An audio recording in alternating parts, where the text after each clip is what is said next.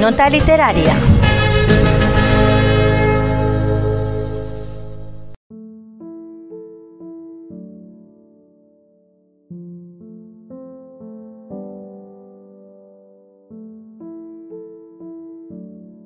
Día 40, día 41, día 42, día 43.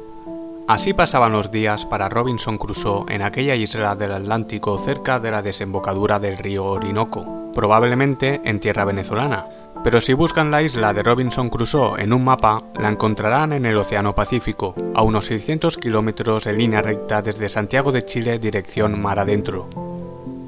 A Daniel Defoe le gustaba documentarse antes y durante la escritura de sus novelas. Por ello, para la denominada primera novela inglesa y la primera novela de aventuras, se entrevistó con dos personajes muy singulares. El primero fue el capitán español Pedro Serrano, superviviente de un naufragio tras hundirse el galeón en el que viajaba con su tripulación.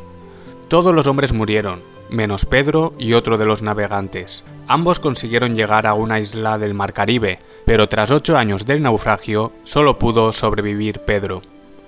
Y el segundo fue Alexander Selkirk. Unas lenguas dicen que Selkirk discutió con su capitán y este le dejó en el trozo de tierra más cercano, y otras que fue el propio Selkirk quien tras discutir pidió ser dejado en aquel archipiélago. Allí vivió durante algo más de cuatro años, antes de ser rescatado por los británicos, y en 1966 la isla en la que estuvo este escocés pasó a llamarse Robinson Crusoe.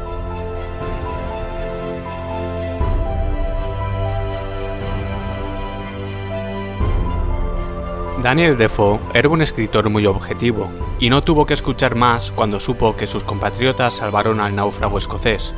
En el libro, Robinson, el protagonista, se autoproclama rey de la isla, realzando el poder conquistador de su nación por aquellos tiempos en los cuales convertían en su propiedad todo lo que tocaban cualquier hombre inglés. En esta novela podemos ver cómo Defoe adapta sus desdichas terrenales al interior del libro. Primero de todo, antes de escribir este libro, a consecuencia de indebidas transacciones empresariales, cayó en la bancarrota y sus ideales políticos le enviaron a la prisión de Newgate, en Londres. La prisión de por aquel entonces no es como la de ahora, y deben saber que, por ejemplo, para poder comer, un reo debía pagar el alimento, y que los castigos físicos no eran muy comunes, excluyendo la pena de muerte.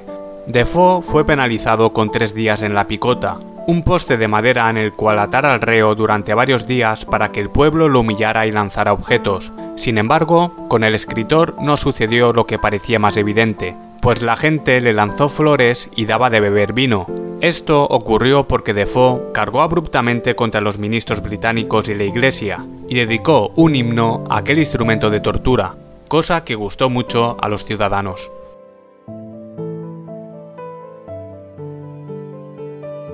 Daniel Defoe escribió Robinson Crusoe en 1719.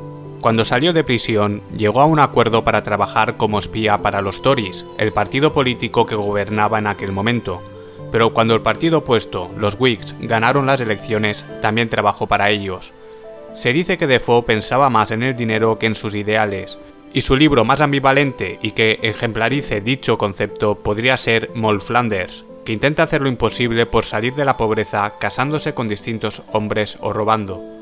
En muchos de sus libros analiza severamente las desgracias de los hombres, como el desamor, las pérdidas económicas y la fe, pero sobre todo, repito, que uno de sus puntos fuertes fue el ser objetivo. Lo demostró en su relato de terror la aparición de Mrs. Bale, que sirvió a las sociedades espiritistas inglesas como apoyo a la causa. Ahora, si me permiten, continuaré tachando días del calendario de mi cuarentena. Día 44, día 45, día 46. Hasta la próxima semana amigos.